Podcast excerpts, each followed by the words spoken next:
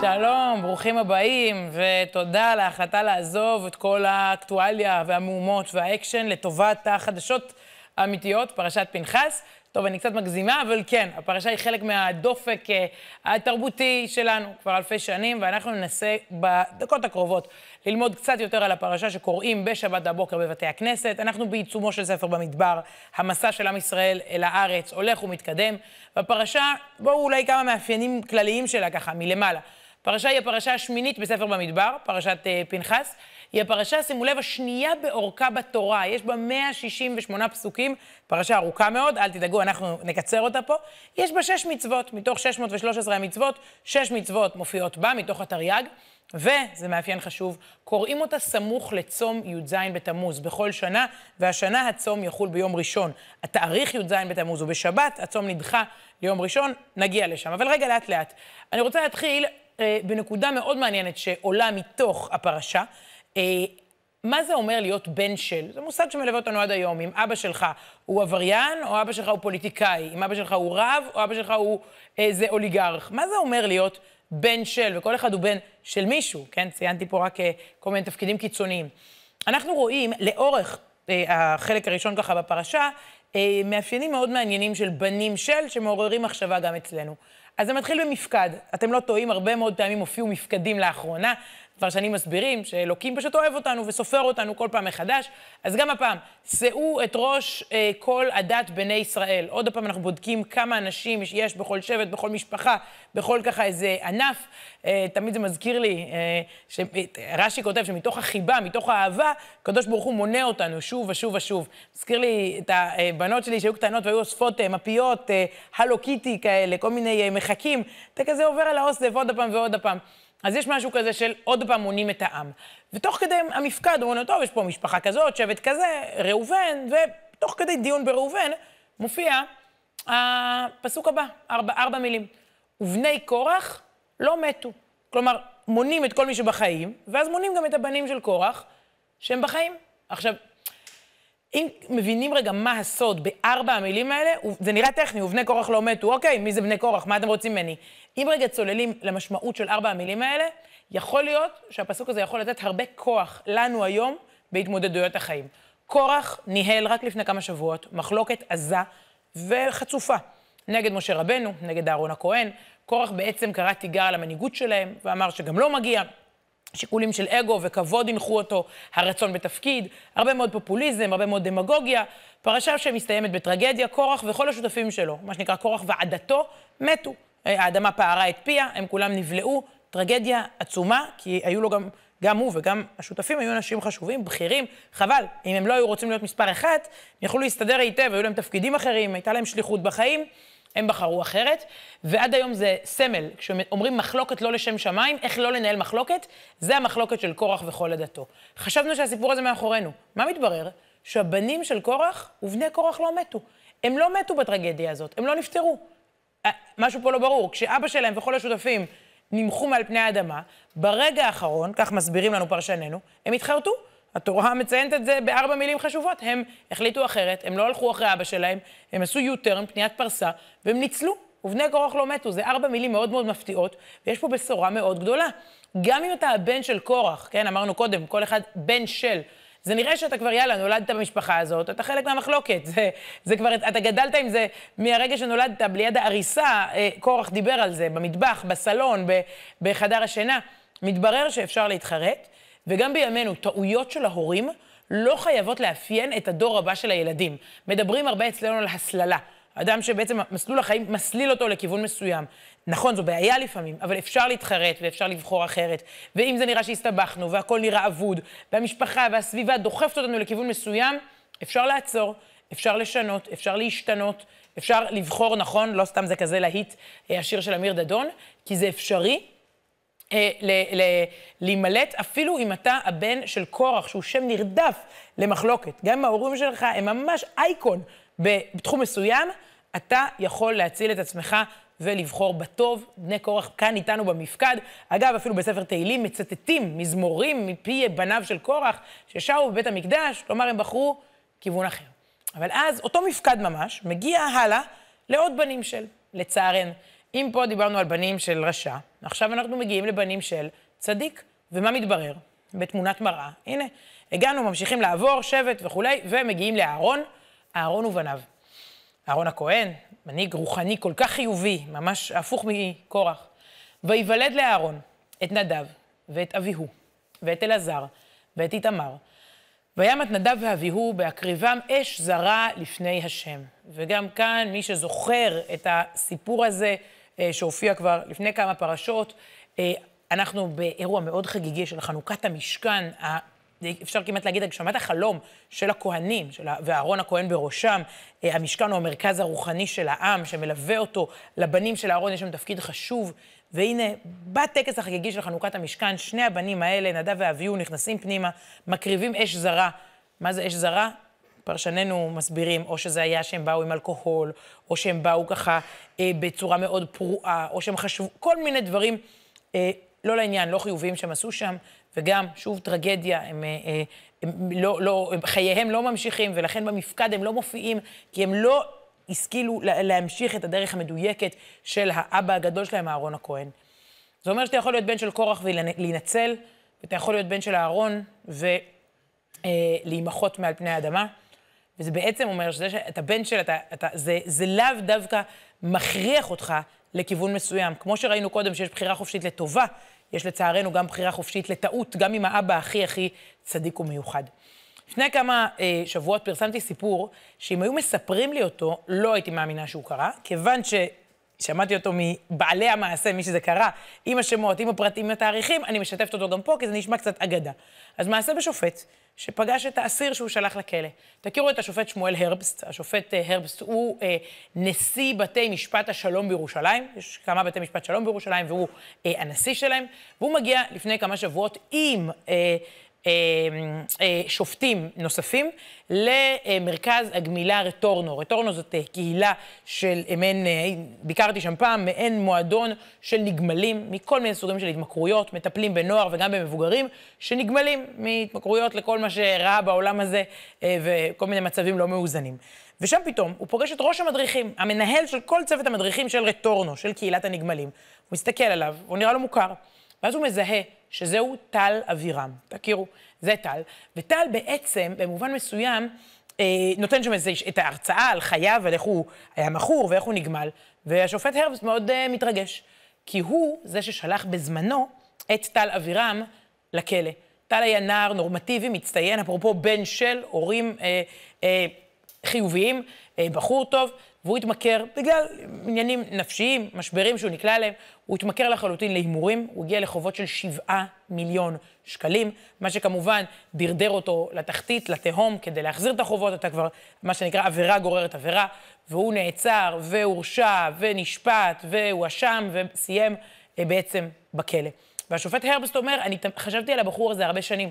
כל פעם שעברתי ליד תחנת uh, טוטו, שם בצומת פת בירושלים, איפה שהוא היה מכור ומהמר בווינר וכל שאר ה... Uh, uh, uh, ככה, כל שאר סוגי ההימורים, הייתי מספר אפילו לילדים שלי את הסיפור הזה. עד כדי כך הוא נכנס לי ללב, הבחור הזה.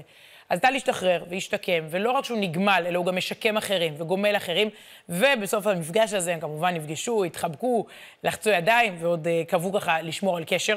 אני חושבת שזה מעיד, אפרופו בני קורח, בני אהרון, על היכולת להשתקם, לא משנה על איזה תהום נראה לך שאתה כבר עומד שם על, ה, על התהום, אפשר להשתקם, אפשר לשפר.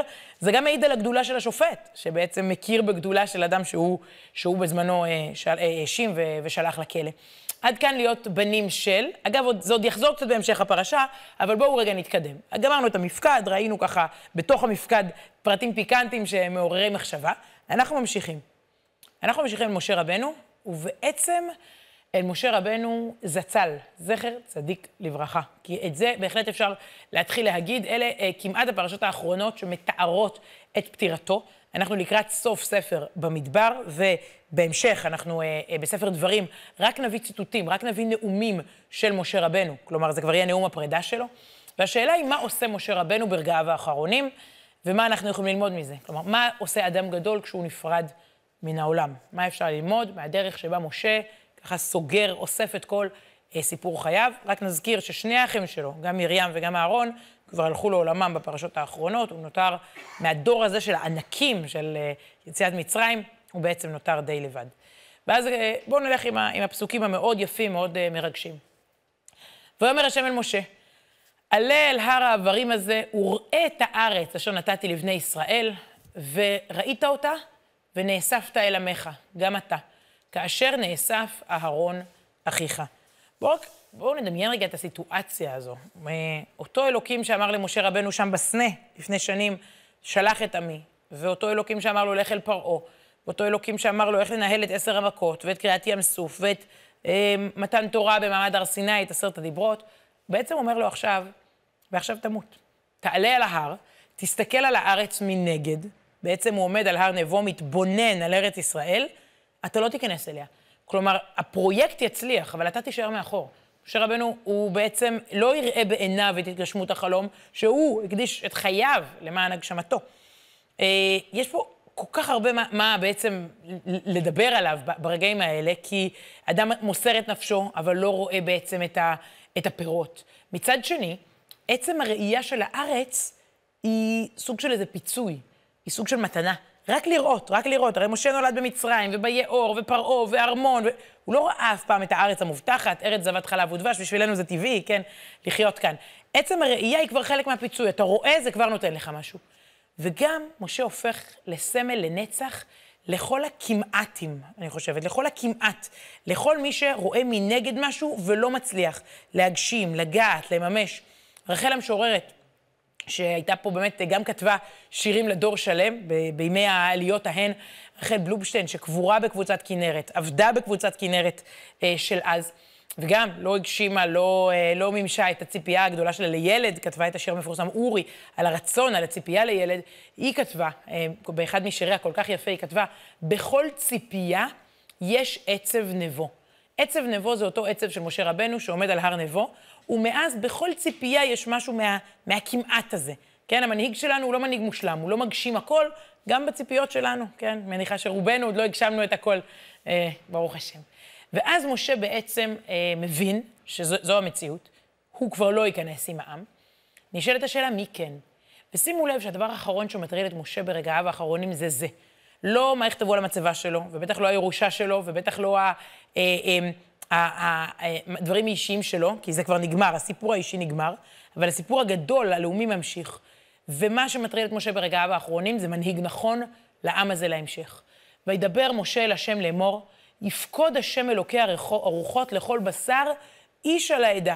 הוא רוצה שהקדוש ברוך הוא ימצא אה, איש על העדה, שיצליח בעצם להכיל את כל העם הזה, שמשה יודע עד כמה הוא מורכב ועד כמה לא קל להנהיג אותו.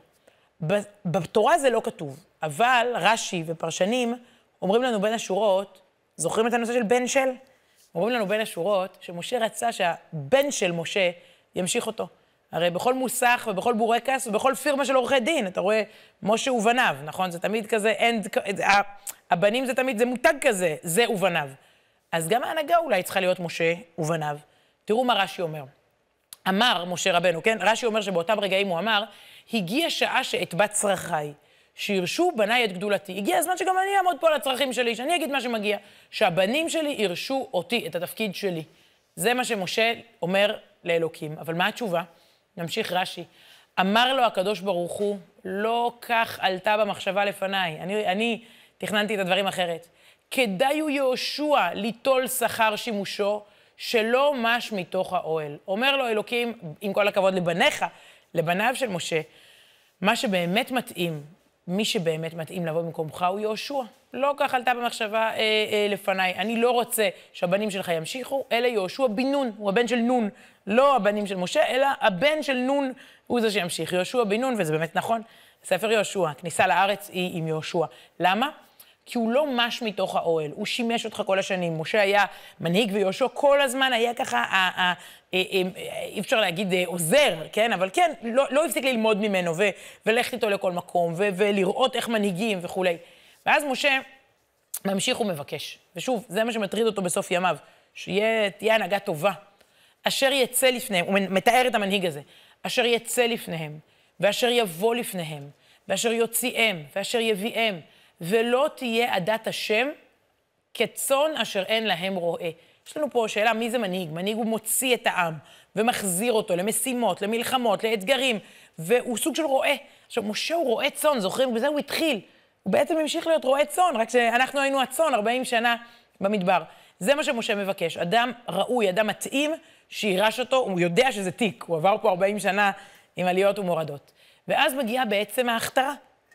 אה, אלוקים מקשיב למשה ומודיע לו, ויאמר השם אל משה, קח לך את יהושע בן נון, איש אשר רוח בו, ושמחת את ידך עליו. איזה מעמד זה שבעצם משה עומד, רואה את הארץ, מבין שלא, ומקבל הוראה לקחת את יהושע.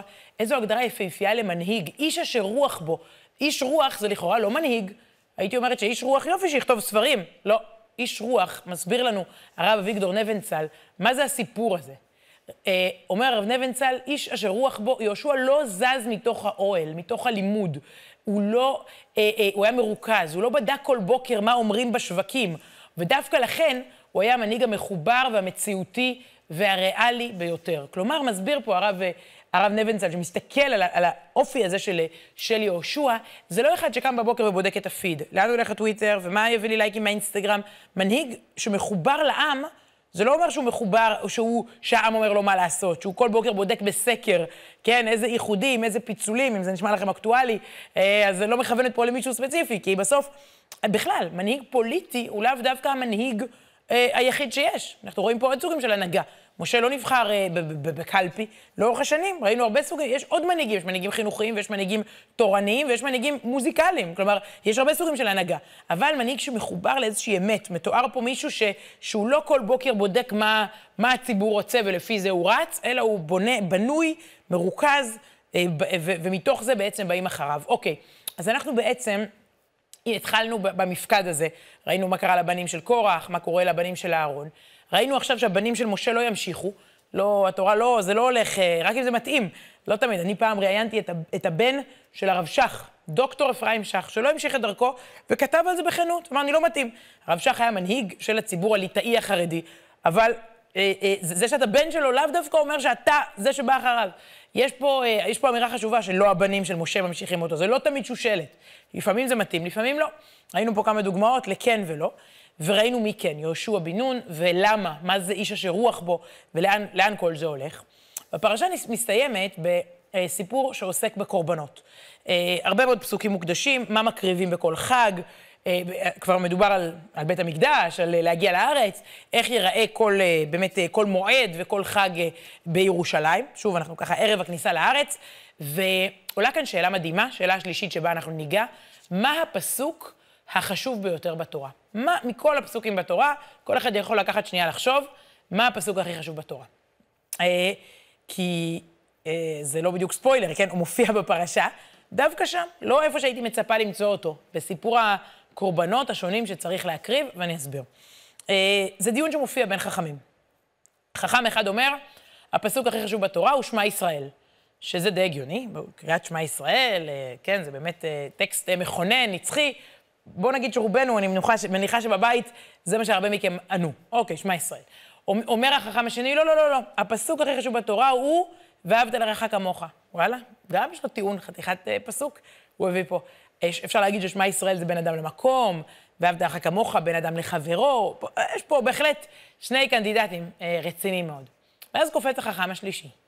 הוא אומר שלדעתו, הפסוק שכולל את כל התורה כולה, פסוק אחד שאומר הכל, זה הפסוק הבא, שימו לב, וזאת לא תקלה, זה הפסוק. תראו, מופיע בפרשה שלנו, בסוף שם, בענייני הקורבנות. את הכבש אחד תעשה בבוקר, ואת הכבש השני תעשה בין הארבעים. מה? איך זה מנצח את שמע ישראל, איך זה מנצח את ואהבת לך כמוך, ואת כל אלפי הפסוקים האחרים בתורה. קחו שנייה, תסתכלו על הפסוק הזה, מה, זה בכלל קשור? איך זה, איך זה הפסוק הכי חשוב בתורה? מסבירים חכמינו, הפסוק הזה מתאר את קורבן התמיד. מהו קורבן התמיד? בוקר וערב בכל יום תמיד. באים לבית המקדש, בבוקר ובערב ומקריבים קורבן. יום ועוד יום ועוד יום ועוד יום. לא בחג, ולא באיזה אירוע יוצא דופן, ולא פעם בשנה, ולא בשלושת הרגלים, ולא אם קרה לי משהו עצוב, ולא אם קרה לי משהו שמח.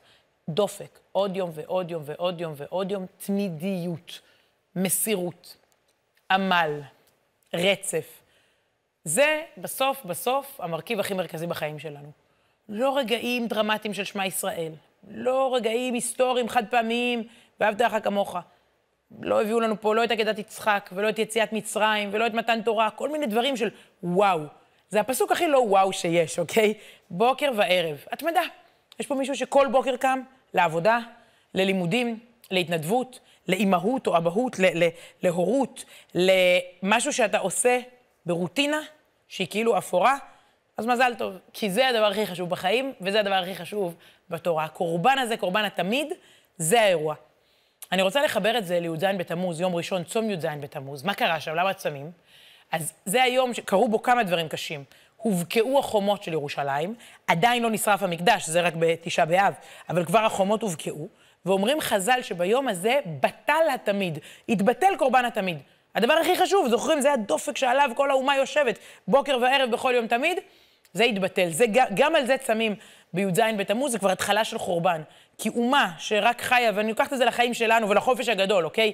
ללכת לישון בחמש בבוקר, לקום למחרת בשלוש, בסדר, זה נחמד לשעתיים, לא לחודשיים.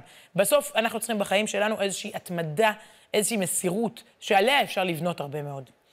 אה, בימים אלה מוציאים אה, אה, תלמידיו של הרב והפרופסור יונתן זקס עוד ועוד סרטוני וידאו מתוך מורשתו. הנה משהו שאני חושבת שקשור מאוד לצום י"ז בתמוז ביום ראשון, לקורבן התמיד בפרשה, ולסיפור הגדול הזה שאנחנו לוקחים ממשה רבנו, הלאה, איך להמשיך את התמידיות הזאת, איך לא לנתק את הקשר, את המורשת. בואו נראה. In Judaism, we believe we connect to God in three different ways creation, revelation, redemption. So, how do we connect to God through creation? I remember on one occasion when I was young and I was in Jerusalem for one of the first times at sunset, the setting sun turns those light brick walls of Jerusalem into burnished gold. And if you're standing on Mount Scopus, where the Hebrew University is, and you're looking out to the Judean hills out towards the Dead Sea, it looks as if the whole landscape is on fire. And my goodness me, I felt God at that moment. But you can feel God in the blossoms on a spring day in Central Park. You can sense God in a snowflake to see the beauty of creation. That is one way God speaks to us. Revelation, when we sit and learn Torah especially when we sit and learn Torah together. And we are hearing God's word. And it may be that we're learning Torah, so we're looking at how Rashi refracted that word, and Ramban and Rashbam and Ibn Ezra.